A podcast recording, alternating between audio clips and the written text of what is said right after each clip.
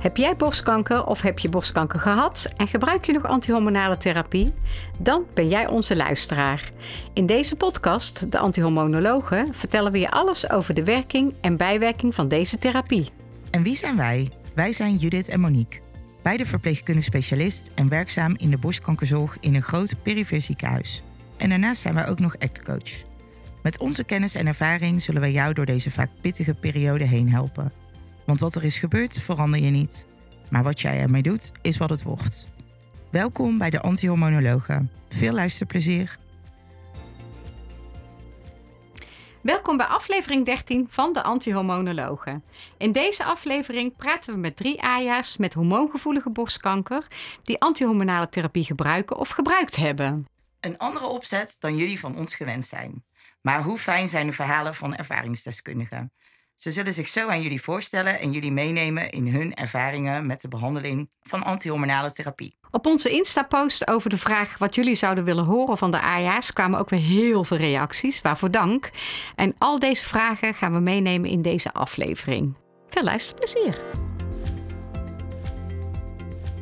Welkom. Welkom, dames. dames. Ja, dankjewel. Ten eerste natuurlijk zijn wij ontzettend blij dat jullie er zijn en dat jullie jullie verhalen met ons en vooral met onze luisteraars willen delen. Dat uh, zijn we jullie heel dankbaar voor. Misschien leuk als jullie even voorstellen en uh, vertellen. Nou ja, vertel me wat je wil vertellen.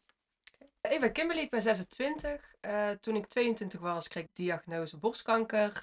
in mijn linkerborst had ik een tumor van 2,3 centimeter.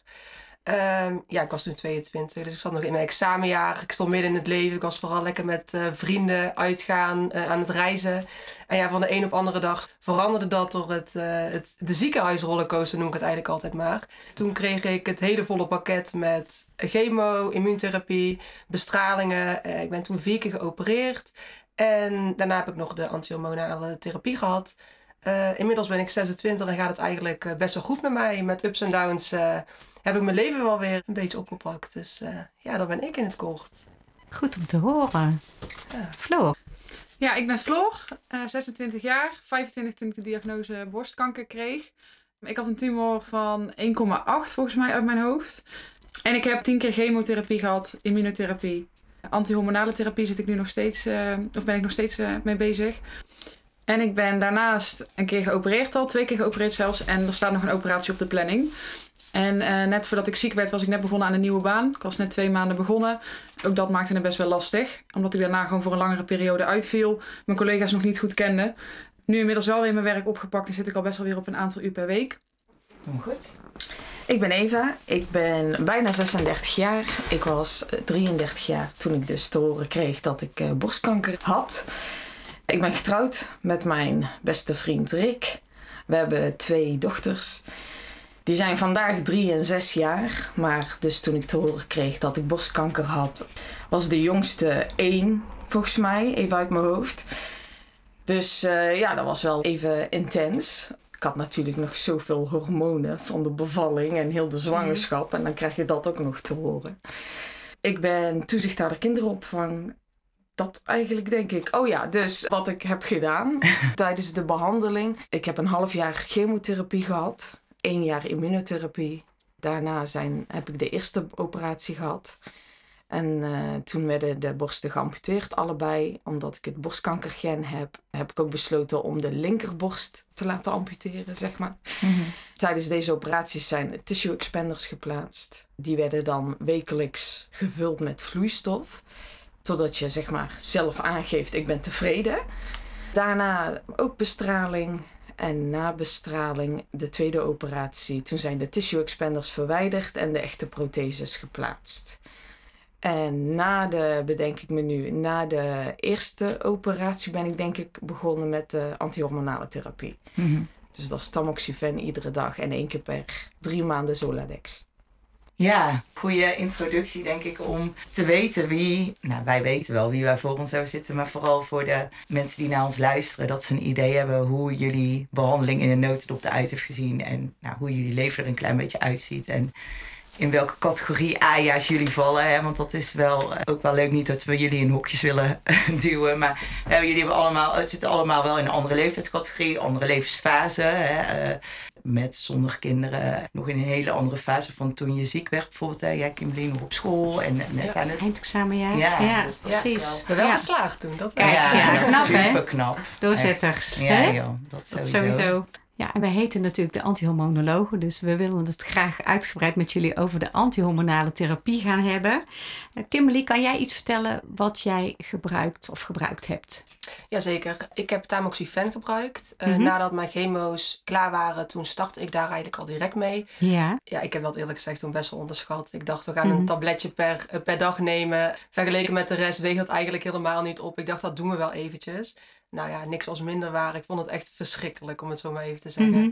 Ik zat in de overgang. Ik was toen inmiddels alweer 23. Maar ook mentaal gezien voelde ik me gewoon echt niet fijn. Ik voelde me echt best wel depressief. Ik had eh, heel erg stemmingswisselingen.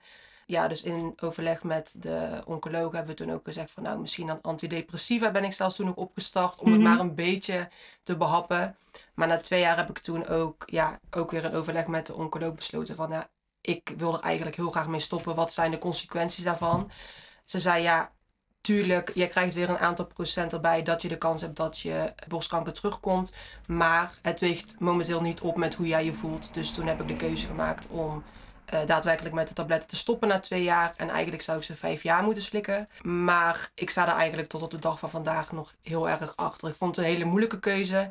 Maar vanaf dat moment kon ik mijn leven wel weer een beetje oppakken. En dat was voor mij op dat moment veel meer waard dan die aantal procent dat de kanker niet terug zou komen. Dus een moeilijke beslissing. Maar zoals ik zei, ik sta er echt nog steeds met 100% achter. Want ik voel me nu echt heel veel beter als toen. Ja, het is echt goed om te horen dat je Ja. je nu zoveel beter voelt. Had je alleen die tamoxifen of heb jij toen ook nog iets anders erbij gekregen? Van die... Zoladex. Die Zoladex heb je ook ja, gehad, die hè? Zoladex eh spuit. Die kreeg ik eigenlijk mijn behandeling al om de menstruatie tegen te gaan. Die kreeg, ik- eerst kreeg ik die volgens mij elke vier weken uit mijn hoofd. En toen Ja. elke twaalf weken. Ja, dat klopt. Ja. Ehm, dus die heb ik van begin af aan heb ik die inderdaad eh, gekregen, die spuit. Ja, tijdens je chemotherapie ook, hè? Ja. Daarbij. Ja. ja. meteen al erbij. Ja. En had jij, ehm, eh, want jij zei van ik heb het zwaar onderschat, eh één tabletje per dag. Ja, zeker. Had je het idee dat je voldoende daarover voorgelicht was op dat moment? Ja, er was inderdaad wel gezegd dat, het, dat er wel bijwerkingen aan te pas konden komen. Alleen, ik had niet verwacht dat het zo heftig zou Nee. zijn. Nee. Maar dat was ook wel, ik was natuurlijk 22, dus het was denk ik ook best wel zeldzaam dat iemand van mijn leeftijd die Zeker, tabletten ja. nam. Dus in die zin denk ik inderdaad dat het ook gewoon nog niet heel duidelijk was toen ook in het ziekenhuis van hé, hey, eh, dit Mhm. kan je gaan verwachten. Ja. Ehm, dus dat was inderdaad wel heel erg onderschat, ja.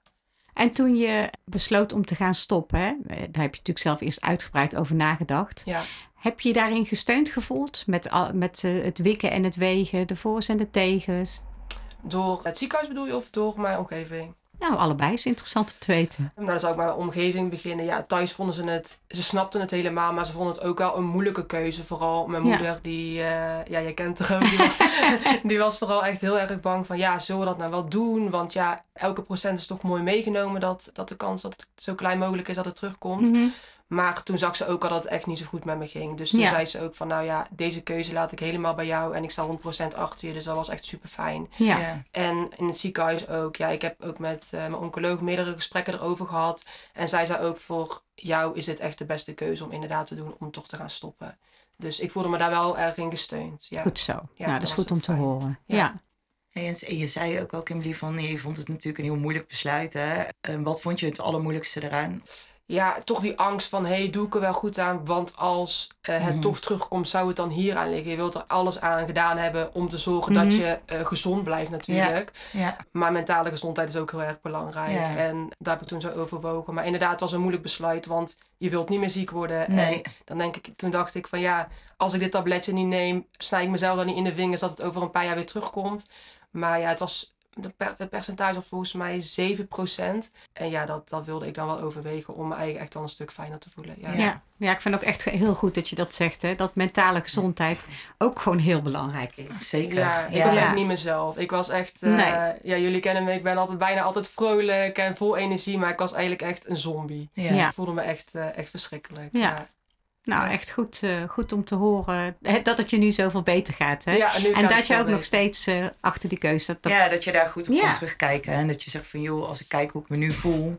is het mij gewoon waard om deze keuze te maken en daarachter te staan. En die, nou ja, om te genieten van het feit dat je je nu zoveel beter voelt dan met die tabletten. ja, dat is ook Ja. een goede keuze. Hè? Dat is ook een goede keuze, zeker. Ja. Ja, Zeker. zeker. Nee, ik heb daar eh, gelukkig geen spijt van. Nee. Nou, goed om te horen.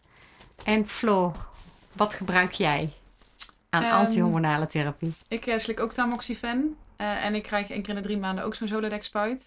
Ook daarmee ben ik begonnen al eh, toen mijn chemo startte. En ik heb tussentijds ben ik geprikt of mijn eh tamoxifen voldoende deed. Ja, De- Ja. Ja, zo'n Ja, die spiegel. endoxifenspiegel Ja. hebben wij het ook al een keer over Ja. gehad in onze podcast. Ja, dat heb jij eh, laten Die, prikken. ja, die heb ik laten prikken. Ja. En toen bleek eigenlijk dat hij, eh, dat hij te weinig deed. Eh, dus ik zit nu sinds een half jaar aan 40 milligram, dus twee pillen per dag. En ik moet zeggen dat ik sindsdien ook wel echt veel meer bijwerkingen merk. Mhm. Eh, op één pil ging ik eigenlijk eh, redelijk goed. Merkte ik echt wel verschil in opvliegers en dergelijke, maar niet dat het echt mijn leven beïnvloedde. Maar toen ik aan die twee pillen ging, toen merkte ik wel echt dat ik vooral s'nachts super veel opvliegers had en zoveel aan het zweten was en daardoor eigenlijk gewoon amper sliep. En ik merk het nu ook wel veel sneller aan. Ja, ik kom veel sneller aan. Dus ik ben heel erg op mijn eten aan het letten. Ik ben veel aan het sporten om dat een beetje onder controle te houden. En voor die opvliegers s'nachts ben ik toen in eerste instantie acupunctuur gaan proberen Mhm. had voor mij niet helemaal het gewenste effect. Maar goed, wel fijn dat er zoiets was wat ik kon proberen. Ja, Zeker. En toen uiteindelijk hebben we de keuze gemaakt om eh, medicatie daarvoor op te starten. En ik moet zeggen dat sinds die medicatie ik echt ja, nooit... Ik slaap denk ik nooit meer zoals dat ik voorheen sliep. Maar het is zoveel verbeterd. Dus daar ben ik wel heel blij mee. en welke medicatie slik je daarvoor? Oxybutynin, Oh ja, uit mijn hoofd. Ja. Ja. Dat is mijn wondermiddel. Ja. Ja, Ja, voelt voor Werkt veel echt mensen echt als een soort lifesaver. Hè? Ja. ja, heel ja. goed. Ja. Ja. echt bizar hoe dat werkt. Ja. Ja. En merk je als je die Soladex-injectie, als je die hebt gekregen, hè, nu één keer in de twaalf weken, merk je daar iets van? Ja, ik was net tegen even aan het vertellen. Mijn haar wordt dus een stuk minder snel vet. Om, ik denk door de hormonen werd dat eerst heel snel vet Ja. en nu Ja. dus helemaal niet meer. Ja, dat en als kan. ik dus zo tegen het einde, als ik weer bijna zo'n Zoladex pipe moet, dan merk ik dus dat mijn haar weer sneller vet wordt. En ik heb altijd in de eerste week, volgens mij, of de eerste anderhalf, meer opvliegers weer. Oh, Ja, dat ik ook overdag veel wel. meer merk dat ik ja. Ja, nieuwe dosis een nieuwe heb. dosis hebt gekregen, zeg Ja. maar. Ja. Heb je dan ook last van die stemmingswisselingen of is dat minder? Ja, nee, maar ik moet zeggen dat ik het ook wel lastig te bepalen vind, omdat ik natuurlijk nog redelijk... ik ben sowieso al nee maar, nee, maar je zit natuurlijk redelijk dicht nog op, op mijn behandeling. Ik ben, ja, ik ben echt sinds december klaar met mijn immuno bijvoorbeeld. Dus ik vind het soms ook lastig peilen van wat komt nou van wat. Ja, ik, Ja. ik heb last van stemmingswisselingen. Maar is dat gewoon omdat ik ook nog gewoon heel veel aan het verwerken ben van afgelopen jaar? Of is dat door die antihormonale therapie? Ja. Daar moet ik denk ik ook gewoon nog achter gaan komen. Ja, en soms, dat zeggen wij ook vaak in eerdere afleveringen, hè, dat weet je vaak ook niet waar het vandaan Nee. komt. Hè? Er is natuurlijk zoveel gebeurd de afgelopen jaar, jaren, hè, dat dat natuurlijk absoluut invloed op je stemming heeft. En dat het met inderdaad het plekje geven wat er gebeurd is. En dat je leven misschien niet meer wordt zoals het was. Ik wil Ja, niet zeggen dat het minder is, maar het kan wel anders worden. Mhm. Hè? Dat dat natuurlijk invloed op je stemming heeft. Ja, Ja, precies. Ja. Maar ik denk, want het is wel goed, hè, want je, wat jij vraagt ook aan Kimberly, want dat was voor jou vooral een reden om natuurlijk een keuze te maken. Om te Zeker, zeggen van, joh, Ja. dit is voor mij echt een grens. Ik voel me zo rot. Maar los van de stemmingswisseling voelde jij ook een heel erg depressief gevoel daarbij, hè? Ja, ja, ik had echt wel die, eh, die stemmingswisselingen, maar daardoor, ja, ik zat gewoon echt niet lekker in mijn vel. Nee. En eh, ik voelde me gewoon echt heel vervelend. Ja. ja. En die opvliegers en zo, daar had ik ook wel last van. Alleen dat, dat woog voor mij niet op tegen het gevoel Tegen het van mentale het mentale stukje. stukje. inderdaad. Ja. En ook gewoon nadat ik was gestopt, heel snel daarna ging het ook echt, na een paar weken ging het ook echt, Echt met elk stuk stapje beter. echt weer stukken beter. Dus het Ja. lag bij mij ook echt daar. ja, dan lag het echt daaraan. Hè? Ja. Ja, dat kan En dat zeker. heb ik gewoon in die zin niet dat het me zo be- beperkt of zo. Nee, Dus nee, gewoon, nee, eh. Nee. Dus eigenlijk zeg jij vooral, hè, Floor, van... Ik merk vooral, heb ik heel erg gemerkt, hè, met sinds, vooral sinds die ophoging van die doseringen naar die 40 per dag, door Ja. die, door die spiegel die je hebt laten prikken, dat je heel erg merkte aan je opvliegers. Ja, En inderdaad. ja, dat je wel met het Zoladex ook wel wisselingen ervaart in als je Ja. een bloem laat zetten, dat je wel merkt dat er dan wel echt iets meer gebeurt, zeg maar. Ja, klopt. Ja, en ook Ja. goed om te horen natuurlijk dat die oxybutynin heel goed werkt. Hè? Ja, klopt.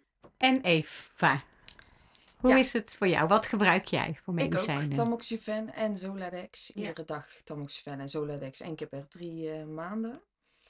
Ik had al eigenlijk best wel snel last van opvliegers. Echt, het, het werkte zeg maar meteen, had ik het idee. En, eh, maar Tijdens je echt- chemo al of, of daarna bedoel Nee, je? na mijn chemo ben ik pas begonnen met Ja. therapie. Ja. En je hebt de Zoladex ook niet tijdens je chemotherapie Nee, gehad, nee, ook Daar ben je daarna mee begonnen. Ook daarna. ja. Dus echt eh, na de chemobehandelingen. Ja. En mm, ja, die opvliegers waren intens. Zeg maar, je, je kent het van vroeger. Ja, tenminste, bij de andere vrouwen zag ik het.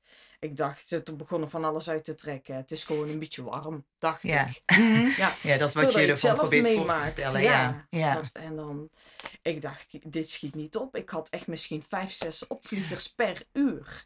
Ja, Dus ik was heel veel. heel de tijd alleen maar aan het opvangen. Weet je, Mhm. omdat ik dacht van, ja, eh, gaat, wordt dit minder? En dan vroeg ik ook aan eh, Judith, wordt dit minder? Is dit misschien omdat dit de eerste maand is of zo? Nou, daar heb ik even aangekeken en het werd gewoon niet beter. Dus toen bij een controle bij mijn oncoloog kreeg ik ook oxybutyne. En echt, dat is zo bijzonder. Ik ben echt gewoon verslaafd aan ik hoef ook nooit af te vragen of ik het gisteren ben vergeten, want dan merk, Dan merk je direct. meteen. Ja, Ja, dan merk je echt ja. direct. Ja. Direct gewoon. En nu bijvoorbeeld met oxybutyne, ja, hooguit twee opvliegers per dag. En dan heb ik ze zelf veroorzaakt. Want dan is het bijvoorbeeld, heb ik een wijntje of, een, Mhm. of koffie. Of even een stressvolle situatie. Dan merk je meteen, dan krijg je echt zo... Vluchtje. Ja, oh ja, ja. Ja, dus opvliegers en gewichtstoename. Ik ben in één jaar tijd 13 kilo aangekomen. Ja, dat vond ik echt niet leuk. Maar er was al te veel veranderd. En je krijgt heel de tijd te horen, ja joh, je ziet er nog goed uit. En eh, juist jij weet nu toch dat eh, gezondheid veel belangrijker is dan je uiterlijk of zo, hè? Mhm. Dat ik dacht van, oh, je slaat de plank zo mis met die opmerking. Ja, Want het is voor mij Ja. je? Ja. Juist dat heb ik allemaal meegemaakt. Ja, En dan komen die 13 kilo erbij. ja. Dat is denk ik wat je als vrouw natuurlijk ook echt wel kan beamen. Dat vind ik vaak echt misschien wel ook een van de meest rotte, los van natuurlijk zo'n hele rotte en, en hele enge diagnose. Dat je zoveel inlevert, moet inleveren ook op je vrouw zijn. Hè? Je borsten veranderen, je haren vallen uit. eh, ja zeker. eh, er ja. gebeurt al heel veel qua uiterlijk. Dus dat gewicht is zeker wel eh, Belangrijk. belangrijk. Ja, want Je Ja. wilt iets nog herkennen aan, Aan jezelf. Ja, precies. Ja. Er is Ja. helemaal niks waar Nee. ik mezelf aan herken dan. Ja. Op zo'n moment. Mhm. Dus eh, ja, en stemmingswisselingen. Ik, de, ik zelf heb er geen last van, laat ik het zo zeggen. Misschien mensen als je om jou heen? Tweede aflevering eh, mogen de partners zijn. Dat is wel een goeie. Ja. Die staat zeker ook nog op de rol. Ja, ja. Is ook nog een keer. Eh, ja, maar zelf. Dus, eh, maar goed, ik vind dit genoeg. Dus de opvliegers zijn gewichtstoename. Snap ik ook. Ja, ja, ja. Hey, en misschien nog heel veel terug naar jou, Eva. Eh, ehm, sorry, Floor.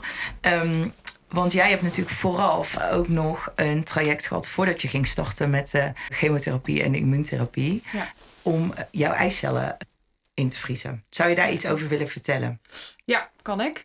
Toen ik wist dat ik chemo zou krijgen, wist ik ook dat de kans op een ja, natuurlijke zwangerschap verkleind zou worden. En met de kuren die ik kreeg, was die kans op zich hè, redelijk groot nog dat dat gewoon weer natuurlijk zou kunnen. Mhm. Eh, maar ja, de kans dat ik kanker zou krijgen op mijn 25ste was ook zo klein dat ik dacht, ja, van percentages, ja, daar koop ik niks meer voor. Eh, dus toen heb ik inderdaad besloten om eh, voorafgaand IVF te doen. Daar had ik toen één maand voor, langer ook niet. Nee. En dat is eigenlijk gek, want ik had een, tumor die reageerde op hormonen. Maar door dat Ja. IVF-traject moest ik hormonen gaan spuiten. Voelt heel dubbel, hè? Heel dubbel. Ja. En sowieso omdat ik nooit van plan was jong moeder te worden. Maar je dan wel ineens voor zo'n keuze wordt gezet. En echt goed moet, goed moet nadenken Nou, van dat. ja, wat willen we hier nou mee? Ja. En ook met je partner heb je het daar dan natuurlijk over. Maar bij ons was het wel heel duidelijk meteen dat ik dacht, ja, dit moeten we doen. En Mhm. ook al ga ik er nooit gebruik van maken uiteindelijk, dan kan ik mezelf nooit kwalijk nemen. En toen eh, ben ik hormonen gaan spuiten, inderdaad. Eh, dat doe je dan zelf, iedere dag. Ja. Maar dat kwam bij mij niet op gang. Terwijl er eigenlijk geen reden was dat het niet op gang zou kunnen komen. Eh, maar dat duurde op een, een of andere manier heel erg lang. Eh, dus in plaats van 14 dagen heb ik volgens mij bijna 30 dagen eh, hormonen Spuiten. zitten spuiten. Ja. En uiteindelijk heb ik dat traject één dag voordat mijn chemo afgerond of chemo moest beginnen, Ja. heb ik dat traject kunnen afronden. Dus ik ben wel heel blij dat ik het gedaan heb. Maar was ook wel echt heel pittig in die periode dat het iedere keer niet op gang kwam. Ja, zeker. En dan Ja. een soort van controle terug te pakken door dan te denken, nou, ik, ik maak de keuze om die eicellen te laten invriezen. Maar als dat dan ook soort van nog wordt ontnomen, of tenminste het lijkt alsof het ontnomen Ja, wordt. Ja. Daar zijn wel voor mij de donkerste momenten geweest, denk ik, dat ik en nog moest beginnen aan die behandelingen. Ja, ik niet wist hoe ik daarop zou gaan reageren. Mijn kinder werd soort van ontnomen werd. Ja, dat zijn wel echt momenten dat ik dacht, eh, ja, waar, ja, waarom doe ik dit, zeg maar? Ja, waarom doe nou. ik dit allemaal? Ja. Een moment van dat je gewoon niks meer in controle hebt, Nee. zeg maar. Hè? Ondanks Nee. al het goede wat je doet en eh, wat je probeert. Ja, hè? Dat- precies. Ja, maar uiteindelijk heb je wel een succesvolle eicelpreservatie Ja, kunnen doen. Hè? dus Zoals wij dat dan mooi noemen. Ja. nou, dat is wel even goed om te weten dat jij dat gedaan hebt. Jij niet, hè, Kimberly? Nee, nee, ik heb Nee. toen inderdaad eh, besloten om het niet te doen. Nee. Ik was Nee. toen 22 en we hebben er inderdaad, ik heb het echt wel overwogen. Mhm. Ja, we hebben Alleen ik kon het er gehad. echt Ja. niet bij, ha- bij Nee. hebben. Nee. Ik, ik wist het ook niet. Ik was er eigenlijk tot dat moment ook nog zo niet mee bezig. Nee, maar dat... En toen hadden ze ook gezegd in het ziekenhuis van ja, jij bent nog zo jong. De kans is echt heel groot dat jij gewoon, Ja. dat jouw cyclus gewoon weer op gang gaat komen. Dat je gewoon weer kindjes kan krijgen. Tuurlijk, je hebt nooit de zekerheid om kinderen te krijgen. Nee, dat is ook zo. Ja. Nee, ik heb dat toen, eh, ik heb dat toen niet gedaan. Nee. Eh, mijn menstruatie is inmiddels echt weer helemaal eh, goed Oh, op gang. goed. Dus Ja. fijn. ja, Ja. dus ik, ben, eh, ik sta ook nog wel achter die keuze. Ja, het was wel een hele moeilijke keuze. Dat moet je niet moeten maken op je 22 Nee, zeker ook niet. dat, zijn, Nee. dat krijg je er Nee. nog bij, hè? En Ja. dat, dat is iets waar je dan nog extra over na moet denken. Ja. Dat is, Ja, ook, dat is ook iets waar je niet over nadenkt eh, voordat je in die malle mode Nee komt. joh, denk Nee, helemaal komt die. Nee joh, dat Nee. is ook echt zo. Nee. Het is best een onbekend stukje ook in zo'n behandeling natuurlijk. En wat je ook zegt, als je zo jong bent, moet je daar helemaal niet over hoeven na te denken. Nee, joh. Eh,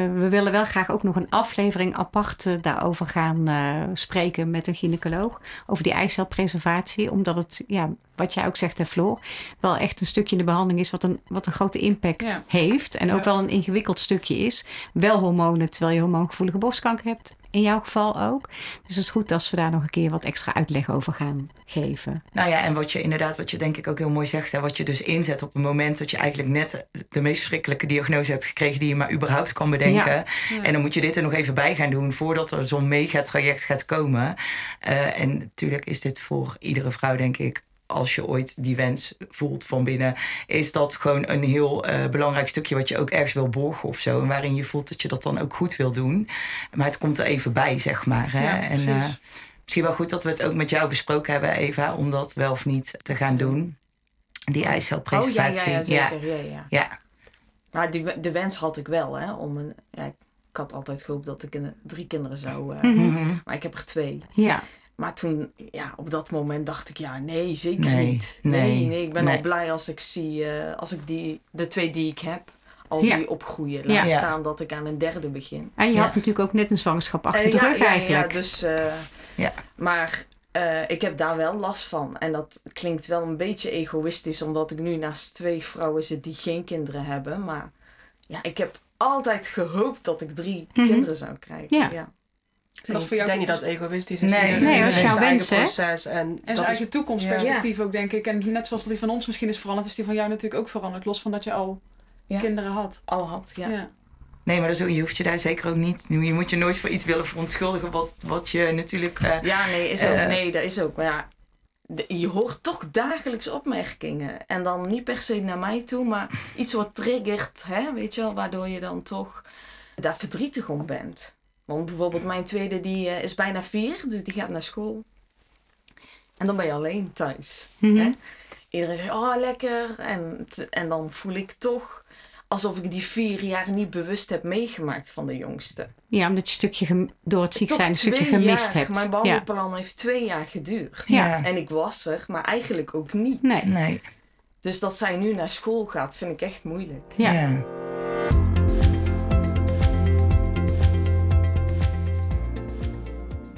Hey Eva, en jij geeft eh, aan, hè, je hebt een jong gezin. Hè, die jongste gaat binnenkort naar school. Die wordt vier. En je zegt, hè, ik heb wel voor je gevoel twee jaar gemist doordat je ziek bent. Ehm, dat je natuurlijk ook minder energie eh, had. Hoe is het nu met je energie? Ehm, ja, je, je moet toch iedere dag kijken hoe je wakker wordt. Mhm. Maar het gaat nu zoveel beter. Toen ik net klaar was met het behandelplan, eh, was dat heel anders natuurlijk. Je bent klaar, je bent blij, ik hoef niet meer naar eh, het ziekenhuis. Ik heb al die wekelijkse afspraken niet meer. En nu, weet je wel? En je dacht, en nu? Oké, ik ga weer terug naar het normale leven. Maar ja, normaal bestaat niet meer natuurlijk. Wat is het oude leven? Wat is het normale leven?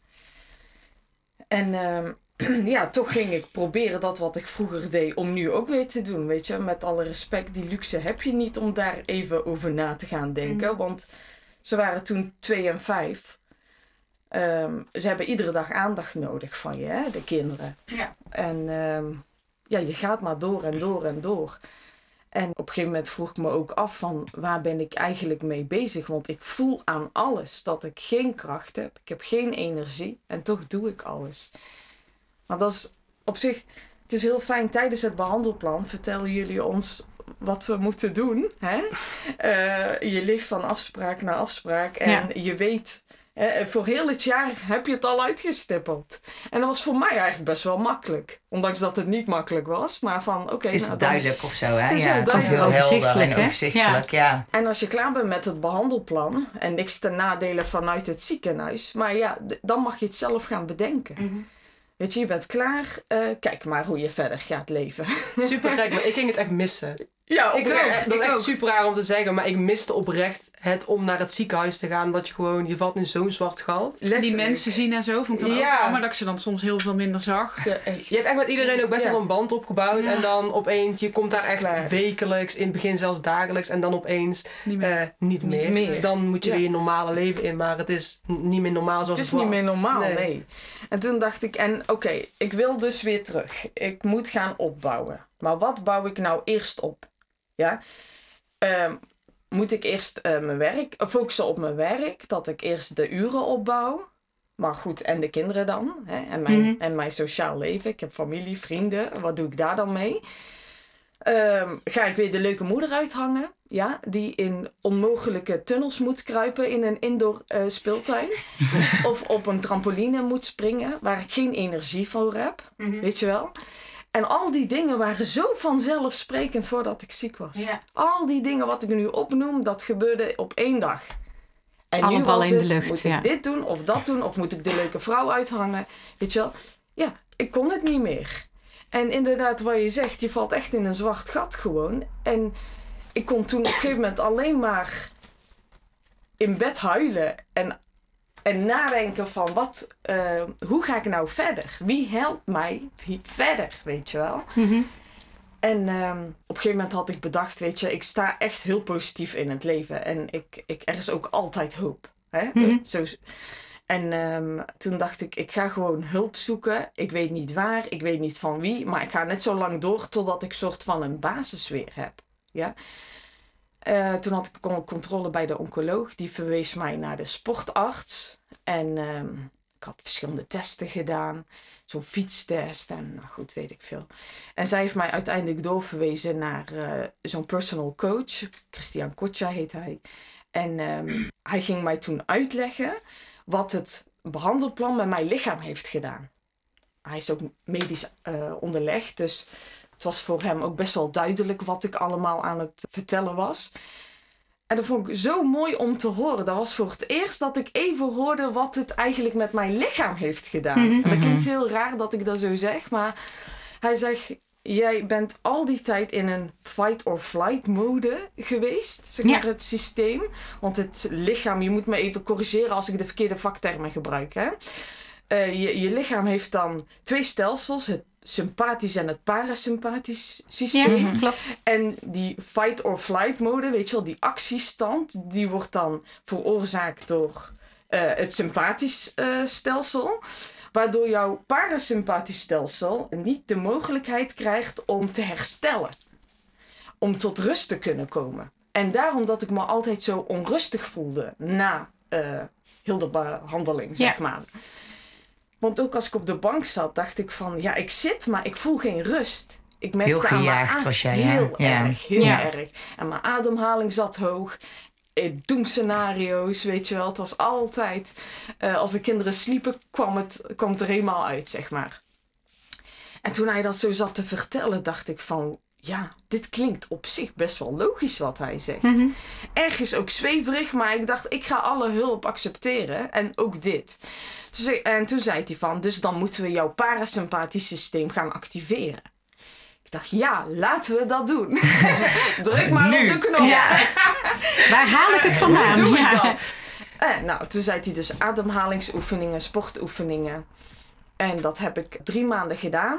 Maar je moet dan wel echt consequent blijven. Hè? Dus je moet niet één keer ademhalingsoefening doen en denken ik word beter. Je moet echt wel consequent blijven. En ik kreeg veel meer energie. Ik kwam meer tot rust. Omdat ik diep en rustig ademhaalde. Dus als ik gewoon alleen al over nadenk, weet je dan klinkt dat zo ongekend eigenlijk. Hè? Dat alleen door een ademhalingsoefening je zoveel rust hebt in je lichaam en in je kopie eigenlijk. Ja. Waardoor je dan ook die doemscenario's ook niet Ja, meer nee, hebt. dat zit zo met elkaar verweven Ja. natuurlijk wat je zegt. Hè? Die Ja. onrust en dan je hoofd wat aangaat. En je vindt dan op geen één vlak meer echt rust. En hoe vaak deed je die ademhalingsoefeningen? Ja, dagelijks. Dagelijks. En dan Ja. eh, gaf hij aan van eh, liefst eh, s ochtends als je wakker wordt. Mhm. Sowieso bij een stressvolle situatie. Weet je, distancieer jezelf heel even. 10 minuten. En dan na die 10 minuten voel je jezelf zo opgelucht. Dat je denkt van, oh, alsof je een powernap hebt gehad. Ja, wat goed Het hè? is zo ongekend. En Ja. toen dacht ik, ik heb ook altijd rugklachten gehad voordat ik ziek was. En die klachten zijn nou ook allemaal veel minder. Puur door mijn ademhaling. En ik ben daar nooit op gewezen. Nooit. Nee, dat wij hebben toevallig in de aflevering, vorige aflevering, of de aflevering daarvoor, denk ik, hebben we het inderdaad ook over de kracht van ademhaling Zo, gehad. Ongekend, En dat ja. daar ook steeds meer over bekend is wat dat doet op je hele systeem. Hele dus dat is mooi dat je dat nog een keertje Ja, en als noemt. ik dan, ja. ik wil me daar ook echt meer in gaan verdiepen. Want ik heb echt het idee. Want weet je, wat, ik denk zelf dat daar weinig aandacht voor is, omdat het iets gratis is. Je hoeft mensen niks aan te smeren, want het is. Hè, je Je zit hebt het je altijd bij je Maar dat is, ook, je. dat Ja. is ook super mooi wat je zegt. Hè? Eh, Je, ja, je hebt het altijd bij je en je kan het zelf doen. Je hebt er in principe niemand Niks voor nodig. Nee, niks. Behalve jezelf en een goede mindset daarin. te kopen, niks. Nee. Zitten, ademhalen. En ik vind het zo fijn hoe ik dan mijn eh, emoties kan beheersen, zeg Ja. maar. Weet je, dat ik daar controle over Ja. heb. En toen dacht ik, ja, en daar werd ik dus sterker. eh, dus mijn lichaam werd sterker en mijn, ehm, het mentale. En nu kan ik meerdere dingen tegelijk. Ik kan naar zo'n indoor speeltuin nadat ik gewerkt heb. Ik kan s'avonds iets gezelligs doen. En eh, met een voldaan gevoel slapen. Ben ik er al? Tuurlijk niet. We moeten heel ons leven, denk ik, gaan afvragen Mhm. van wat kan ik op een dag. Maar goed, dat was ook voordat we ziek waren. Weet Ja. je, dus de ene dag is de andere dag niet. Maar ik, ik accepteer sowieso wat ik vandaag kan. Zeg maar. Ik focus niet op wat kon de oude Eva allemaal. Nee. Weet je, ik ben al blij met wat ik vandaag kan. En ik denk dat dat ook wel heel belangrijk is als je het eenmaal geaccepteerd hebt. En niet zo boos wordt om het feit dat het niet zoveel is als vroeger. Ja, dat is, al de, dat is een Ja, van de dat is grootste, natuurlijk een van de grootste stappen te nemen. je kan Ja. nemen. ja. En super knap dat je dat zo goed doet. ja, dat Ja. vind ik echt. Ja. Dankjewel. ja, het gaat beter. Dus, Ja. Hey, en Floor, hoe zit dat voor jou? Je, Ehm, je energiebalans. Ja, die gaat bij mij eigenlijk best redelijk. Eh, ik bouw op mijn werk heel rustig op en daar heb, krijg ik ook alle ruimte, dus dat vind ik echt super fijn.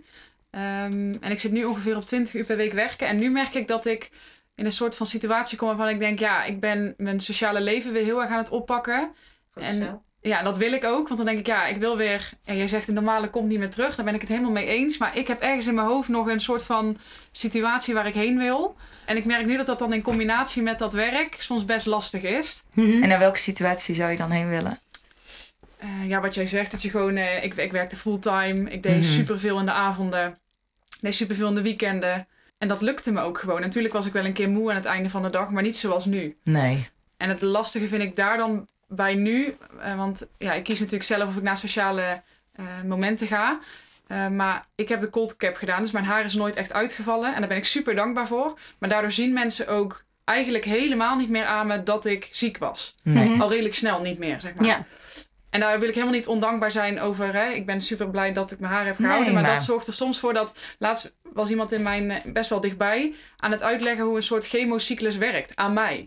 Ja, dat, dat is dan typerend voor hoe weinig mensen aan me zien. En dat vind ik aan, aan de ene kant heel Dat is fijn. natuurlijk heel Ja. fijn, ja. Wist die Super. persoon het ook niet dat je ziek was geweest? Wat zeg je? Wist die persoon dat je ziek Ja, was? ja, ja, Oh, zeker. Ja, die staat, staat best wel dichtbij. Maar die, ja, mensen vergeten het, denk ik. Mhm. En dan vind ik het soms ook lastig om daarin dan mijn grenzen aan te geven. Kijk, tijdens zo'n ziekteproces heeft iedereen begrip voor je. Zegt iedereen, oh, gaat het wel goed? En oh, moet je niet, moet je niet weer eerder naar huis? En dat is heel betuttelend en vervelend. Maar het kan soms ook wel fijn zijn om eerder zelf die keuze te maken van... oké, ik ga nu wat eerder. Ehm, en nu is het juist eigenlijk de andere kant. Dat als ik soms ja, met moeite aangeef van... ja, ik denk dat ik eerder naar huis ga... dat mensen zeggen, huh, hoezo? Is toch gezellig? Ja. Ja. Ja. Maar dat is ook een proces voor mezelf. Dat ik daar. Nee, maar eh, dat is denk ik wel echt. Ik denk, ik vind het supergoed dat je dat aanstipt. En ik denk dat jullie dat, maar dat ga ik chargeren, misschien allemaal ook wel herkennen. Dat juist die sociale omgeving heel lastig is als je beter wordt en alles weer een soort van normaal is. En, en wat jij nu heel goed aantipt van joh, mensen gaan mij dingen uitleggen over chemo. Hallo. ja, eh, ik weet niet. Ik kan het nog bijna zien zitten. Ja. Bij wijze van. Maar dat is natuurlijk echt wat de omgeving doet. Hè. Als iets er niet meer is, zijn mensen natuurlijk koning om het, om het te vergeten. Ja. Of het niet Ja, meer te bespreken. of te denken, ja. maar dat was, toch, dat was toch vorig jaar. Of dat is toch al lang geleden. En Klopt. ik denk echt, dat is ook echt iets wat wij dagelijks denk ik ook wel terug horen van onze vrouwen. Van joh, ik vind dat misschien wel een van de moeilijkste dingen van beter worden. Hè. Wat jij denk ik ook net heel goed aantipt. Even, hoe ga je het doen? Maar hoe ga je ook met dit soort dingen allemaal om? Hè? Ja. Want ziek zijn is soms makkelijker. En niet het ziek worden en het zijn en het accepteren. Maar dan is het wel duidelijk en weet iedereen het. Ja. En, en heb je een programma. Ja. Maar dat komen in zo'n traject van dat je klaar bent. En dat, dat mensen maar alles weer vanzelfsprekend vinden op alle vlakken. Ja. En, eh, En ik jij- probeer mezelf daar dan- ook nu minder te verdedigen. Want op het begin, ik heb tijdens mijn chemotraject, ook op dagen dat ik me goed voelde, dacht ik, ja, ik ga wel gewoon leuke dingen doen. Want Ja. daar Mhm. krijg ik energie van. Ja, Tuurlijk. Maar dat was ja. op goede dagen. Dus dan zagen mensen mij ook in mijn chemotraject Ja. op goede dagen. ja, Waardoor ik dan ook wel eens opmerkingen kreeg van, nou, je fietst er wel doorheen, hè? Niet wetende dat ik een week daarvoor nog niet eens van de bank naar de keuken kon. ja, Ja, Ja. precies. Dus en eerst had ik dan heel erg de behoefte om me daarin dan heel erg te verdedigen en uit te leggen dat het echt wel zwaar was. En nu denk ik, nee, ik weet hoe het zit. Ja. Ik weet hoe het was. Fijn dat jij dat beeld van mij hebt. En daar laat ik het bij. Zeg maar. Ik ga mijn energie daar ook niet aan, aan geven. Knap hoor. Maar ja, soms dat is, wel, eh, eh, ja, heb ik wel moeten wennen. Ik vind het ook mooi, want ik ken Floor toevallig privé. En laatst zag ze mij, toen zei ze, hoe gaat het? En toen merkte ik heel even, ik had zo'n besefmomentje... dat ik dan anders tegen Floor praat Ja. dan tegen andere mensen. Dus toen zei ik tegen haar, het gaat vandaag goed.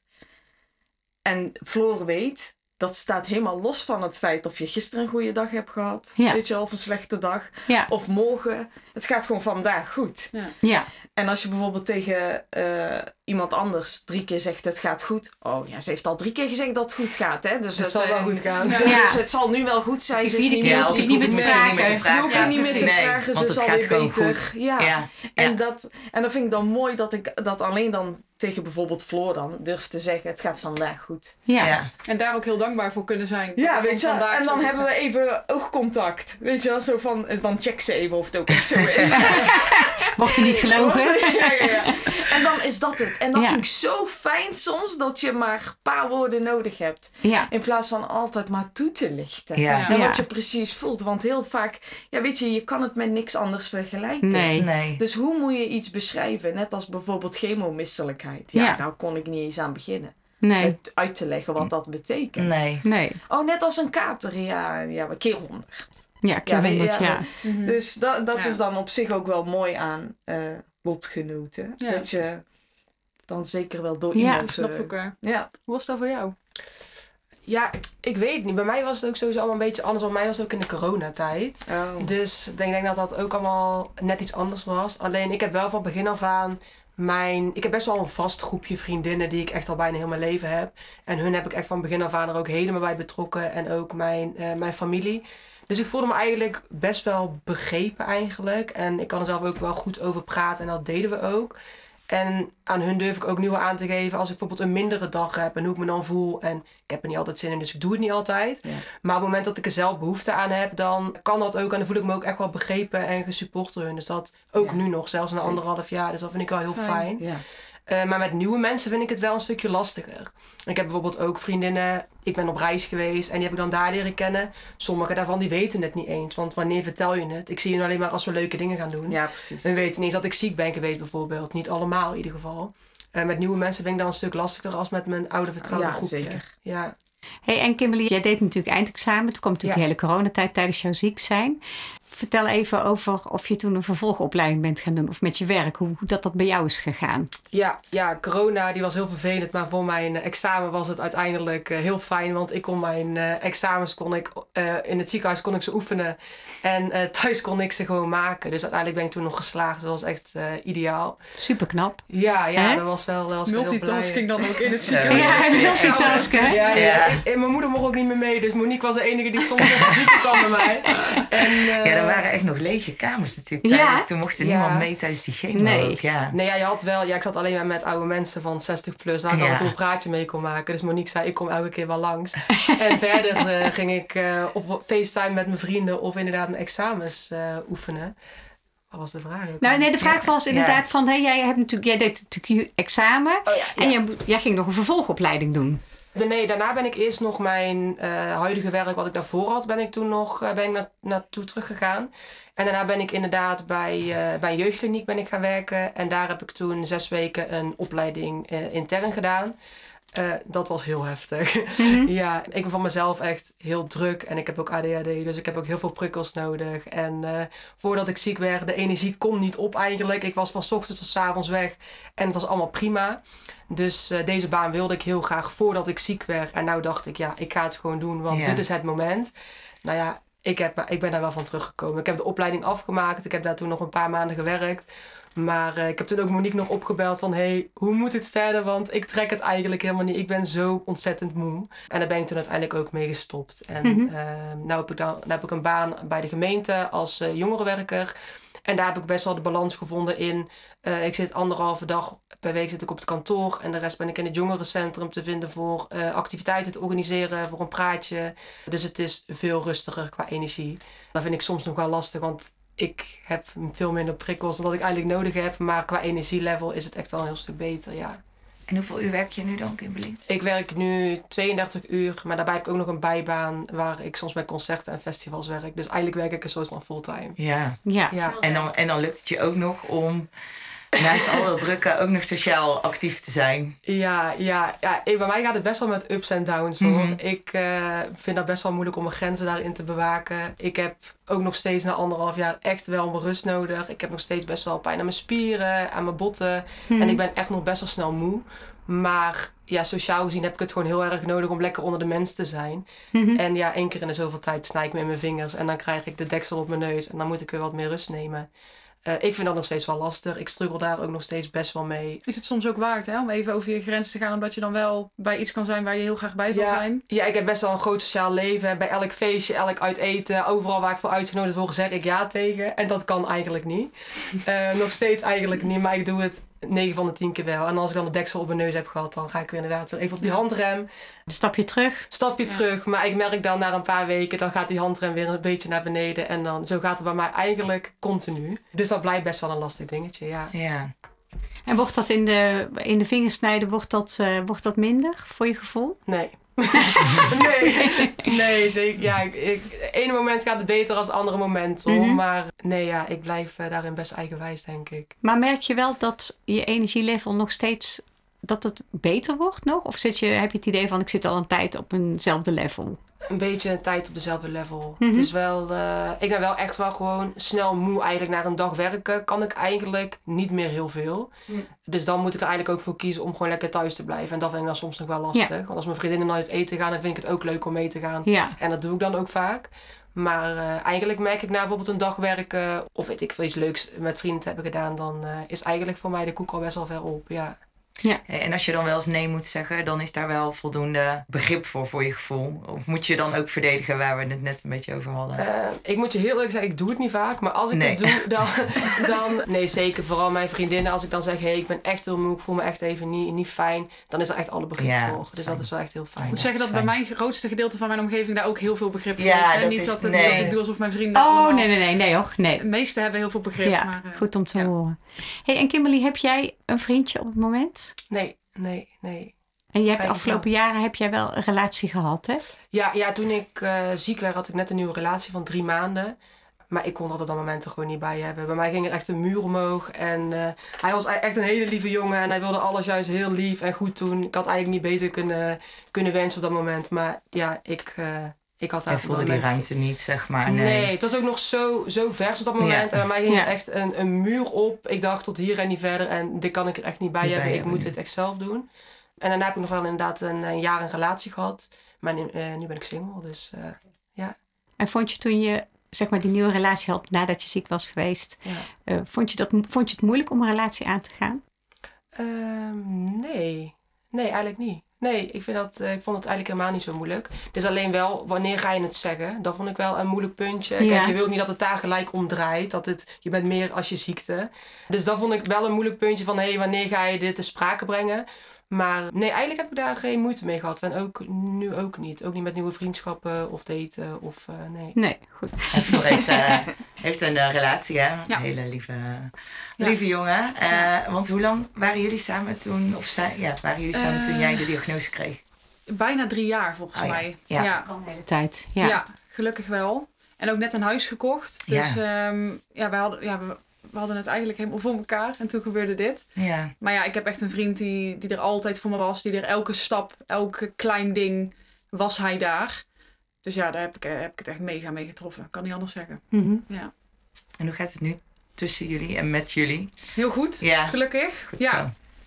Waarbij het nu soms net wat meer zoeken is eh, hoe ik dingen ervaar en hij. Want tijdens zo'n Mhm. proces zit je daar samen in. Heb je een soort van gemene deler, gezamenlijke vijand. Ja, En nu merk ik steeds vaker dat ik dingen anders ervaar eh, dan mijn vriend. Omdat hij, ja, ik denk toch wel wel wat meer weer zijn normale leven echt kan oppakken. En ik zit best wel veel met angsten soms nog. En die ervaart hij gewoon anders. Gelukkig maar, ben ik heel blij mee. Maar ja, en we kunnen daar gelukkig wel heel goed over praten. Maar ik merk wel dat daar verschil in zit. Ja. En dat is denk ik ook niet gek. Maar ik merk nu gewoon wat meer dat ik degene was die ziek was. En hij de partner. Terwijl tijdens zo'n proces, ik weet niet hoe dat met jullie zat.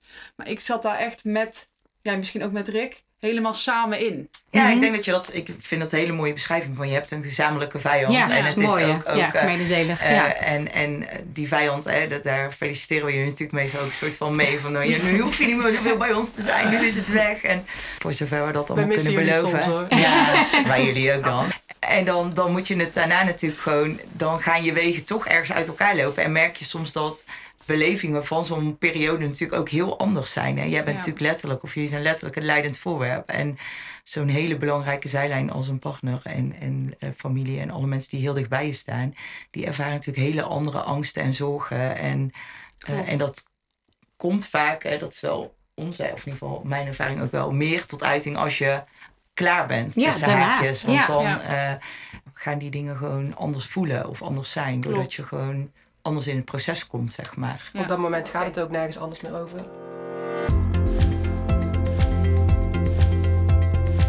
Hey, en dat, dat je dus aangeeft van joh, dat levelen werd wel wat lastiger nadat we, of nadat ik klaar was, zeg maar. Heb je, hebben jullie daar nog iets in gedaan wat jullie daarin heeft geholpen? Of heb je daar samen, ja, heb je daar samen in iets gedaan? Ja, blijven praten is denk ik gewoon het allerbelangrijkste. Mhm. En ik heb meteen, ja, eigenlijk voordat ik al begon met de behandelingen, hebben wij al gesprekken gehad bij maatschappelijk werk. Ik ben er daarna in mijn eentje ben ik daar naartoe blijven gaan. En mijn vriend is volgens mij twee keer of zo mee geweest. Maar wat daarin wel werd benoemd, en da- daar heb ik heel veel aan gehad, is dat je, als je ziek wordt, dan word je sowieso al patiënt. En je partner die neemt daar vaak natuurlijk een soort van rol van verzorger op zich. Maar in basis blijf je partners van elkaar dus gelijkwaardig. Dus moet Justin ook kunnen benoemen als hij gewoon even geen zin heeft in mijn gezeik. Of als hij behoefte heeft om leuke dingen te gaan doen. Ik denk dat je dat soms misschien makkelijk vergeet. Omdat ik heb ook een partner die zich heel erg... Ja, die wil er heel erg voor mij zijn. En die kan zichzelf daarin helemaal wegcijferen. Maar het is juist zo belangrijk dat hij ook zijn leven leeft. En natuurlijk zitten voor hem ook moeilijkheden in en veranderingen. Maar in de basis is het wel heel belangrijk dat je daar het gesprek over blijft hebben. En ik ben daardoor ook wel veel gaan vragen waar hij behoefte aan had. Ik denk dat dat ons wel geholpen heeft. Iemand vergeleek het ooit een keer met zo'n masker in het vliegtuig. Hè? Je moet eerst jezelf redden voordat je een ander kan redden. En zo zie ik het ook een beetje in zo'n proces. Dat je als Ja. partner ook voor jezelf moet zorgen. ja, Wil je er voor je partner die ziek is kunnen zijn. zeker. Ja. En eh Eva, hoe is dat voor jou in je relatie? Ja, Rick heeft mij tijdens het behandelplan, want ja, dat, die duurde twee jaar. Dus eh, hij heeft mij zoveel geholpen. Mhm. Hij was de vader en de moeder van de kinderen. En dan heb ik het eigenlijk vooral, weet je, de tijd van chemoperiode was natuurlijk het heftigst. Mhm. Want daarna ging het echt wel beter hoor. Dus ik kon Mhm. ook wel zelf dingen doen. Want dan kwam ik thuis, bijvoorbeeld van de vrijdagen. En toen kreeg ik chemo. En dan tilde hij mij op vanuit de auto om zo naar bed te brengen. En wij slapen op de zolder, dus dat was ook wel handig uitgekozen. Sterke vriend. Ja, Enorme spierbal En- ontwikkeld. zeg maar, wij zijn getrouwd. En dan zeg je ook, hè, for better or for worse. Ja, en dan maak je dit ook echt mee. Ja. Weet je, wel, je maakt Ja. het ook gewoon echt mee dat hij er is. Vond ik zo aantrekkelijk eigenlijk ook, weet je wel? Dat je denkt van, ja, hij doet het toch maar even. Mhm. Mhm. Ik heb zoveel respect voor hem gekregen als persoon, zeg maar. En daardoor is de relatie ook eigenlijk beter geworden. In plaats van, want ik dacht, shit, ik word kaal, super lelijk, wimpers weg, wenkbrauwen weg, weet je wel. Je hebt echt een dode blik dan. Mhm. Er, er is niks meer waar je naar moet kijken. Nee. ik voelde me zo lelijk, echt Ja. niet normaal. En ik dacht, en dan keek ik Rick aan en ik denk, oh, ik vind dat echt zielig. Weet je wel, dat hij dan naar zo'n lelijke vrouw moet kijken. Die moet hij dan ook nog eens eigenlijk verzorgen. En dan heeft hij ook nog eens twee kinderen van twee hè, en vier jaar. Ja. En de dag dat ik, zeg maar vrijdag, kreeg ik chemo, mijn allereerste chemo. En die maandag ging mijn oudste naar school, voor Mhm. het eerst. Dus al die dingen, dat is best wel intens hè. Al die dingen Ja. waren allemaal tegelijkertijd. Dus, en, en, en dat kon hij allemaal doen. Mhm. Maar goed, hij zat ook in die fight or flight, of hoe noem je dat? Ja, al die, zeker. Ja, die nou ja, gewoon mode, echt in die overleefstand, zeg Ja, maar wel eens. Hè. Dat is echt ja. ja. waarop je op adrenaline gewoon gaat. Of zo, hè. Letterlijk. Ja. En ik dacht echt van, ja, scheid aan hoe ik eruit zie. Eigenlijk, weet je wel. Je, je bent samen zo sterk. En je, je wordt alleen maar sterker. En ik heb echt gemerkt dat we tijdens het traject... Echt dus sinds ik heb gehoord dat ik ziek was tot nu... Je, eh, je leert elkaar iedere keer opnieuw kennen. Mhm. Weet je wel, de Eva die ik vroeger was... Ik was 22 of zo, hè, toen ik eh, Rick leerde kennen. Mhm. Die is er sowieso niet meer. Nee. En eh, we hebben elkaar zo goed leren kennen ook. En eigenlijk elkaar alleen maar aantrekkelijker gevonden. Mhm. Juist omdat hij mij zo hielp en hij geeft dat ook zo aan. Hij zegt, moet je eens kijken wat jij hebt gedaan. Dan, dan maakt het niet uit wat voor, hoe je eruit ziet. Nee. Dus, en dat vind ik echt mooi. En, Knap, eh, en ik dacht, toen ik, vooral toen ik zelf, en ik, jij was daar ook bij, Judith, toen ik wakker Mhm. werd. Na de borstamputatie. Ik zag mezelf in de spiegel en ik dacht echt, veeg me maar op. Ik ben, dus, Ja. dit, dus dan moet je je voorstellen, hè, want dat was één maand na de laatste chemo. Dus ik was nog kaal. Dus ik was kaal, geen wimpers, geen wenkbrauwen en geen borsten. En zo, wa- alles was paars, hè, weet je wel. Mhm. Ik dacht echt, waar doe ik het dan nog voor? Ja, al je vrouwelijkheid is weg voor je. Ik, ik was echt een man. Ik was echt een man. Mhm. En, en dat vond ik zo zwaar. Ja, dat, ik weet nog dat ik dat echt heel zwaar vond. Ik dacht, ja, ik, ik kom van cupmaat G, weet je wel. Het was van G naar 0. Mhm. Ja, en dat zijn toch gewoon die extra dingen. Wat jij al zegt, je zit in een relatie. Hè? Je wilt nog dat jouw partner jou aantrekkelijk vindt. Ja. Weet je wel. En het zorgt er wel echt voor dat je precies weet wat je aan elkaar hebt. Ja, Nou ja, en dat je, denk ik, hè, wat je ook vertelt, dat je basis dus heel goed is hè, als je dit samen aan kan. En als Ja. je dit zo over elkaar kan Ook, zeggen Ja. na zo'n traject. En hè, wat je ook zegt, dat Rick heel trots naar jou kan kijken. Vooral dat hij niet kijkt van hè, eh, je haren zijn er af of die borsten zijn er niet meer. Maar moet je zien wat je gedaan hebt. Want, Ja. eh, wat Ja. heb je, ja, Ja, en mooi, dat dat mooi. gevoel overheerst naar elkaar. Hè? Ja. Dat je zegt, we zijn En, echt... en dat begreep ik ook wel Ja. als hij dat zei. Dus, want ik had ook kunnen denken van, ja, ja, dat zeg je gewoon uit beleefdheid of zo, weet je. Ja. Zodat ik me niet kutter voel, zeg maar. maar ja, en ik, ik begreep dat wel. Ja. Dat is ook wel sterk, want ik heb daarna nog een relatie gehad, maar toen moest ik alleen nog één operatie. Dat was dan de, de reconstructie, kreeg ik toen nog aan Ja. mijn andere borst.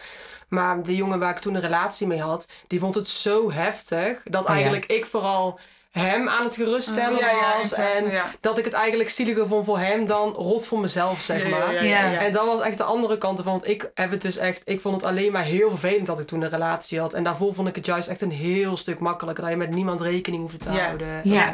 Dat is misschien ook al omdat je dat, dat in zo'n nieuwe relatie ja, was. Ja, we waren toen denk ik, even kijken, drie maanden of vier maanden samen. En toen had ik alleen nog de reconstructie. Ja. Dus voor mij stelde het in principe heel gek, maar niet heel veel Niet meer zoveel voor. Rest wat je al gedaan. Vergeleken Ja. met de rest vond ik dat allemaal Ja. best wel meevallen. En dan Zeker. straalde ik ook heel erg naar hem uit. Maar hij vond het heel heftig. Ja. En hij was echt een beetje in zo'n slachtofferrol. Hoe, hoe rot het wel niet voor hem was dat eh, ik geopereerd had. Dat dat, ja, heel, heel vaag eigenlijk. Maar Ja. als ik dit dan hoor, denk ik, oh ja, dat is aan de andere kant ervan inderdaad. Ja. We zijn ook niet meer samen, bedoel ik. Ja, Nee, snap maar ik. ik, ja, dat is natuurlijk ook een, een heel ander moment Ja. in zo'n relatie zitten. En, maar je ziet hoe belangrijk zo'n steun is. Hè? Los van het Zeker. feit van eh, op welk moment je elkaar dan treft. Ja. Maar dat, dat dat onvoorwaardelijke en het gevoel hebben dat je echt samen dat team bent en dat je dit samen doet. is natuurlijk zo belangrijk. Supermooi, ja. Wie was jij dan, mooi. dat team? Was dat dan jouw moeder? Of je... Ja, ik, ik, woon, ik woon nog steeds thuis, maar toen woonde ik ook thuis. En sowieso mijn, mijn moeder, mijn opa en oma, eh, mijn vriendinnen, mijn zusjes. Eigenlijk echt iedereen die dichtbij stond. Ik moet ook zeggen, echt iedereen die, die was er. En dat was ook echt een heel fijn gevoel. We waren echt Ja. zo'n sterk team. Ook, gewoon, ook al was het corona, iedereen verzon wel wat om toch te laten merken dat ze aan je dachten. Of op afstand toch, eh dan kwamen ze langs. Maar dan gingen ze bijvoorbeeld op de stoep met een stoeltje zitten. En dan gingen we daar gewoon twee uur Ja. kletsen. Dus iedereen was er echt. En dat was voor mij wel echt een hele... Ja, maar ook met een partner heb je ook zo'n team nodig, hè? Want zonder mijn familie had ik het ook echt niet Nee. kunnen doen. Nee. Nee. Dan kwam, het kwamen mijn zusjes even langs, mijn broertje langs, om de kinderen even mee te nemen, weet je wel, zodat ik en Rick even rust hadden.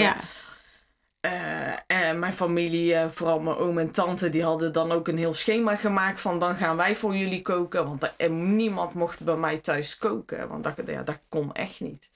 Eh, hè, omdat je zo misselijk was. Ja, hè. dat Ja. gewoon die geur alleen al. En, ja. ja, en je hebt zo'n team nodig. Zeker. ja, je sociale Zeker. netwerk is enorm belangrijk. Hè? Je leert echt al je vrienden, je, echte vrienden leer je echt wel kennen. Ja. We Ja. hadden een groepsapp aangemaakt, om- omdat we, als we dan na zo'n lange chemodag hebben, we hadden best Ja. wel lange chemodagen, dat we dan soms niet meer de puff hadden om te koken en hadden we een groepsapp. En als we daar dan instuurden van, oh, wie zou er die en die dag kunnen koken, was dat vaak, vaak binnen een minuut geregeld. Ja, Ja, toch iedereen zo graag Ja. wil helpen Ja. en Ja. zo graag Ja. iets wil kunnen doen. Ja, Dan zijn ze er alleen maar blij mee. Ja. Dat is hun bijdrage, Ja. ze kunnen verder niet. Het is natuurlijk ook een mega kunst, hè, van dat je, ik weet niet of jullie jullie dat ervaren hebben, van ja, hulp vragen, hè, want dat is het natuurlijk ook. Iedereen wil helpen, maar hoe vraag je hulp? En, en, en ja, Ja, het is vaak, eh, het is inderdaad vaak zeggen mensen, zeg maar als ik iets voor je kan doen. Ja. Maar inderdaad ligt de ervaring dat hulp vragen heel moeilijk ja is. joh. Ja. Dus inderdaad, mensen zijn blij. Ze, dus als je inderdaad zegt wie kookt er, dan staan waarschijnlijk zes, zes mensen ja. met bakjes voor de deur. Want dat eh, is lekker ook spreken. gewoon duidelijk, weet Ja, je. klopt. En- Of wie kan er rijden, weet je. Ja. Dat, zei ik altijd. En dat zijn soms zulke fijne, heldere Ja. boodschappen. En Ja, dat, ja, zeker. Maar ja, netwerk is alles. Hè. En Ja. dat is zo belangrijk om dat te hebben. Ook ja. zonder partner. Zeker. Maar even, nog eventjes, ehm, want jij vertelde van, hè, we zijn elkaar eigenlijk alleen maar aantrekkelijker gaan vinden doordat we elkaar zo gesteund hebben. Ja. Eh, kan je iets vertellen over de intimiteit tussen jullie, hoe dat, dat nu is? Ja, ik dacht dus dat dat eigenlijk ook wel zou veranderen. Hè? Mhm. Naar hoe ik mezelf net omschreef. Maar he- verre van. Mhm. Wat ik al zei, juist, we, we zijn gewoon hechter geworden. En ook, ja, het is gewoon... Eigenlijk alles is beter geworden. Maar dat wil dus niet zeggen dat we geen slechte dagen hebben. Hè? Dat wil Nee, ik wel even tuurlijk. Voordat Nee, tuurlijk. mensen denken dat ik eh, nu een perfecte relatie heb. Maar eh, die slechte dagen heb je altijd, Mhm. bijvoorbeeld. Maar verder eh, gaat het hartstikke goed. Ik mag niet klagen. Nou, dat is en ik voel mezelf ook niet meer lelijk. Nee, Dus ik denk dat dat ook wel scheelt. ja. Zeg maar, ik heb ze nou ook geaccepteerd, mijn borsten. Mhm. ik, ik ben aan het douchen en ik kijk ernaar. Ik denk, ja, geen tepel. Ja, je hebt ze toch niet nodig. Mhm. Oké. Ik draag geen BH's meer, hartstikke blij mee. Dat is wel eh, handig. hè? Ze hangen, ze hangen niet meer. Eh, je zal het nooit eh, koud hebben. En eh, Over 50 jaar zijn ze jaloers. over Ja. vijf jaar zijn ze jaloers. Ja, precies, dus ja. ik denk, eh, nee, en nee, gelukkig niet. Ik ben wel echt af van dat gevoel. Ja. Ja. Dus eh, ik denk ook als ik, want ik zat net af te vragen, als ik zelf geen relatie had, hoe moet je dat dan Ja. overbrengen? Zo van, ja, even waarschuwen. Want, Ja, ik heb eh, geen borstamputatie gehad, dus dat, Ja. dat, dat scheelt dan. Ik heb, bij mij hebben ze eh, een borstbesparende operatie gedaan en de andere borst hebben ze eh, qua reconstructie daarop aangepast. hmm. Dus ik heb nog wel mijn eigen borsten. Oh, Dus zo, dat ja, is dan wel net iets anders. ja precies. Ja. En we we hebben al echt zoveel mooie informatie eh, gehad. Ik ben erg onder de indruk van wat je on- ons allemaal vertellen. Ja. Hoe kijk je nu naar je... Kijk, we hadden het hè, van het oude normaal is er niet meer. Hè? Nee. Nee. Dus we hebben een soort van nieuwe normaal. Nieuwe. Een bekende term in Nederland, hè, het nieuwe normaal. Nieuwe normaal. Misschien mooi als jullie kunnen vertellen hoe dat je je nieuwe normaal ziet. En hoe dat je daarmee naar de toekomst kijkt. Ja, Kimberly. Je Kimberly? ja, ik denk, zoals ik al zei, bij mij zal het wel net qua energie een beetje met vallen en opstaan blijven gaan. Alleen, ik ben nu gewoon, ik, ik werk weer fulltime. Mijn sociale leven gaat hartstikke prima. Ik wil dit jaar heel graag op mezelf gaan wonen. Misschien weer een leuke relatie sta ik wel even open. En dan eh, vanaf daar eh, bouwen aan de toekomst. Ja, vooral heel veel leuke dingen doen. Mijn droomreis heb ik al gemaakt, dus dat hoef ik niet meer te doen. Maar ik, ik heb wel de smaak te pakken. Dus ik zou nog wel een paar eh, mooie reizen willen gaan maken. En eh, ja, dat eigenlijk voor nu, denk ik. En als je nu een boodschap zou geven aan jonge meiden die midden in het traject zitten nu, wat zou je ze dan mee willen geven? Ik denk als je je daar fijn bij voelt, bij de mensen die dicht bij je staan, om erover te praten, om zo duidelijk mogelijk proberen uit te leggen hoe het voor jou is en wat je voelt. En dat is niet altijd makkelijk. Alleen ik heb zelf wel gemerkt, je wilt toch graag dat mensen je begrijpen, maar ze kunnen het niet begrijpen op het moment dat jij ze niet vertelt hoe het voor je is. En dat heeft me echt heel erg geholpen om me eigenlijk heel erg open te stellen. Goed naar jezelf te luisteren. Je kan van heel veel mensen heel veel informatie krijgen, maar kijk vooral waar je zelf behoefte aan hebt. Eh, tegen mij was heel erg gezegd: pak je rust, pak je rust. Maar ik stond gewoon te kickboksen tussen mijn chemo's door. En dat heeft mij mentaal wel gewoon heel erg geholpen. Nou zeg ik niet dat iedereen moet gaan kickboksen. maar, maar iedereen heeft zo denk ik wel iets wat voor diegene heel erg helpt. Ja. En wat je op dat moment nodig hebt. Dus luister Ja. vooral naar jezelf. En eh, ik denk dat, eh, dat dat wel het belangrijkste is, ja. Oh, mooi. Ja. Floor, jouw nieuwe normaal en jouw toekomst. Ja. ja, ik merk dat ik best wel veel angst heb over of het terug gaat komen. Ik zit heel erg in die fase op dit moment. Eh, en waar ik heel erg naartoe wil, is naar een soort mindset waarvan ik met mezelf, ik moet daar nog bepalen wat ik daar precies in wil, maar dat ik met mezelf afspreek, nou, ik word 80, 90, ik weet niet wat ik daarin wil afspreken. Niet in mijn kop in het zand te duwen, maar meer zodat ik ook weer in mijn hoofd ruimte heb om plannen te maken gebaseerd daarop. En mocht het dan anders lopen, dan zie ik dat dan wel weer. Die Mhm. gedachte probeer ik heel erg te krijgen. En dat vind ik af en toe best wel lastig. Als ik dan vriendinnen hoor over kinderen krijgen, denk ik, ja, ben ik er dan nog? Of ja, daar zit, dat zit nu echt heel, heel erg in mijn hoofd. Maar daar ben ik wel heel actief mee bezig. Dus ben daar dan ook wel, als ik aan die gedachte denk, word ik daar ook wel positiever van. En dan durf ik ook wel na te denken over vervolgstappen in mijn leven. En ehm, En merk je dat je daar al stappen in hebt gemaakt als je terugkijkt ook vooral? Qua die angsten? Ja, wel. Ja. Wel. En, ja, en ook heel erg gemerkt dat ook al lijken momenten nog zo zwart in zo'n, in zo'n periode. Want sommige momenten waren voor mij echt pikzwart. Was er niks om naar uit te kijken, geen lichtpuntje of iets dergelijks. Maar het wordt altijd weer beter. Ja. Er komt altijd weer een moment dat je je beter voelt. Of dat het, dus het zonnetje begint te schijnen. En eh, je kan je nooit zo lang zo zwart voelen als dan. En dat, ja, die mindset helpt me wel vaak op momenten dat ik het zwaar heb. Nog steeds. Ja, Ja, dat is ook mooi ja, om mee te geven Ja, aan de mensen die inderdaad nog niet zo ver in het traject eh, zijn. Ja, En nou klinkt alsof ik het heel erg voor elkaar heb. Dit lukt me ook heel vaak niet. Nee. maar- nee, maar ik denk dat je dat dat ook heel goed hè? beschrijft. Hè? Van dat dat wel echt iets is wat heel actueel is. En wat ik heel mooi vond, wat jij en Eva net ook tegen elkaar zeiden... en wat, wat Kimberly ook denk ik kan beamen... is dat je ondanks dat je weer een soort van stip op de horizon nodig hebt... soms om verder te durven denken dan gaat dit goed en, en word ik oud. En eh, dat je Precies. probeert misschien een leeftijd op iets te plakken... als dat je helpt van joh, ik maar meer met die blik op, op in ieder geval een soort van oneindig te hebben... Ja. Hè, los van alles wat er überhaupt kan gebeuren in je leven. Hè, los van die hele Ja, borstkanker. Maar dat je ook wel heel erg kan zeggen van... ik kan ook genieten van het was vandaag een goede dag. Ja. Weet je? En Het zonnetje schijnt. het zonnetje schijnt. Ja. En het wordt altijd ergens weer een keer beter. Ja. En dat zijn denk ik hele kleine mooie stappen in een... en ergens hele grote. In zo'n mentaal proces. Ja, waarin angst soms ook gewoon mag zijn. Hè? Angst is ook helemaal niet slecht. Dat zeggen we ook wel eens tegen elkaar. Nee. Van, je hoeft ook geen angsten te hebben voor terugkeer. Of geen angsten. Dat, juist dat verzetten tegen zo'n angst maakt het alleen maar groter. Dus dat soms blijkt het een- ook denk ik ook wel. Ja, Ook want dat die kan jij ook beamen, denk Ja. ik. Hè? Ja. Ja, eigenlijk over het algemeen ben ik er in het dagelijks leven niet meer dagelijks mee bezig. Nee, dat zei je al. Maar op het moment dat de controles er aankomen, Ja. dan eh, ben je echt weer helemaal terug bij af voor je gevoel. En dan zijn die angsten weer echt volop aanwezig. Ja. En denk je, oh, het zal toch niet. En zo'n controle, vooral die uitslag ervan, in vijf minuten kan heel je leven opeens weer op zijn kop Ja. staan. En daar ben ik dan op dat moment echt weer heel erg bewust van. Ja, En het is ook wel weer heel lekker als je dan weer goed nieuws hebt tuurlijk. gehad. zeg Ja, maar. Eh, zeker. van tevoren zijn die angsten heel erg aanwezig, Ja. zeker. Maar dat is wat je zo, ja, ergens, dat klinkt natuurlijk heel zwaar, maar wat je natuurlijk zo heeft getraumatiseerd. Hè? Gewoon, Ja, hè, we hebben ook wel eens mensen die bang worden als ze ons zien, bijvoorbeeld bewijzen, omdat het zo associeert aan zo'n moment dat je dat soort rotnieuws krijgt. hè. En periode. Ja. Wat je zegt, als je je weet gewoon dat je zo'n kamer kan binnenstappen en dat iemand Ja. iets tegen je gaat zeggen wat je leven voor altijd 360 graden omdraait. Hè? Ondanks dat je daar een weg in vindt. En wat jullie, denk ik, echt ook heel mooi hebben beschreven in dit gesprek. Van, eh, weet je, het, het wordt, dingen worden beter en hoeven niet altijd slechter te zijn. Maar het is wel gewoon iets wat je altijd met je? Ja. En, eh, en wat er ergens altijd is, ondanks dat het soms levelt. En dat er heel veel dagen zijn dat je er niet aan denkt. ja. En ja, die angst is echt niet altijd slecht, denk ik. En juist een beetje toelaten en je er niet te veel tegen verzetten. Maar het wel een soort van proberen te levelen. Maar het is allemaal heel mooi. Maar ja, Ja. doe het maar eens. Hè. Het zal ook Maar- altijd wel een beetje blijven. Ja, dat, Ja. ja. dat is het. Maar mooi, Floor. En jij, Eva? Eh, ja, mijn nieuwe normaal is eh, dus eigenlijk iedere dag kijken hoe ik me voel. Mhm. En eh, wat ik die dag eventueel aan zou kunnen. En ook te proberen om dat ook alleen te doen. En niet meer te plannen. Want dat kon ik vroeger echt heel makkelijk. Dat ik, ja, doe ik er even bij. Ja, doe ik er even bij. Nee, gewoon niet. En wat ik ook echt heel fijn vind en ook echt mooi vind, en dat zou ik ook echt als tip willen geven. Een dagje niks plannen is ook een planning. Dus ik plan dat ik niks ga doen. En dan bedoel ik met het gezin dan. Hè? En als we uiteindelijk besluiten om met z'n vieren te gaan fietsen, is dat ook een planning. Maar het biedt zoveel meer rust als je gewoon bewust in je agenda zet, dan gaan we niks doen. En vroeger kon ik altijd iedere vrij moment, zeg maar, kon ik eh, vol plannen. Want ja, dat is gezellig, hè? Dat is allemaal super gezellig.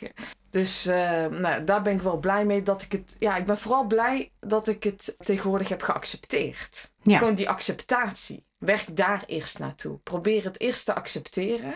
En dan pas verder te kijken. Want zolang je het niet hebt geaccepteerd, wordt het gewoon wat lastiger. Omdat je dan te veel verschillende emoties hebt. En, en wat bedoel ik met accepteren? Het is niet dat ik zeg, ja, nou vooruit, maakt niet uit dat ik borstkanker heb gehad. Dat bedoel ik niet met accepteren. Hè? Maar gewoon dat dit nu mijn energie is. Mhm.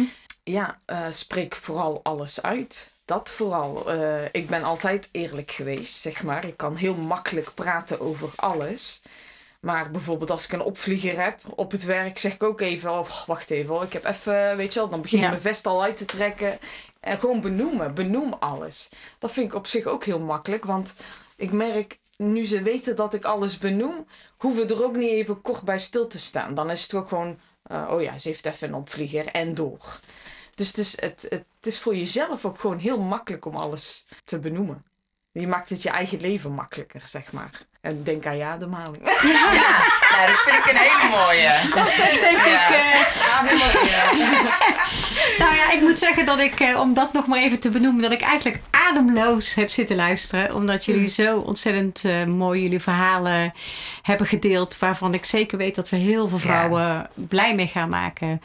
Dat jullie alweer zo positief in het leven staan. Ook al valt niet iedere dag mee, maar echt heel mooi om te horen. Ik heb er eigenlijk ook niks aan toe te Nee, ik voegen. wil er ook niks aan toevoegen. Want alles wat we eraan toevoegen, dat eh, nou, voegt niks toe aan jullie gewoon hele mooie, heldere, eerlijke eh, verhalen. Dus super, super dank jullie wel voor Ja. jullie tijd en eerlijkheid, openheid.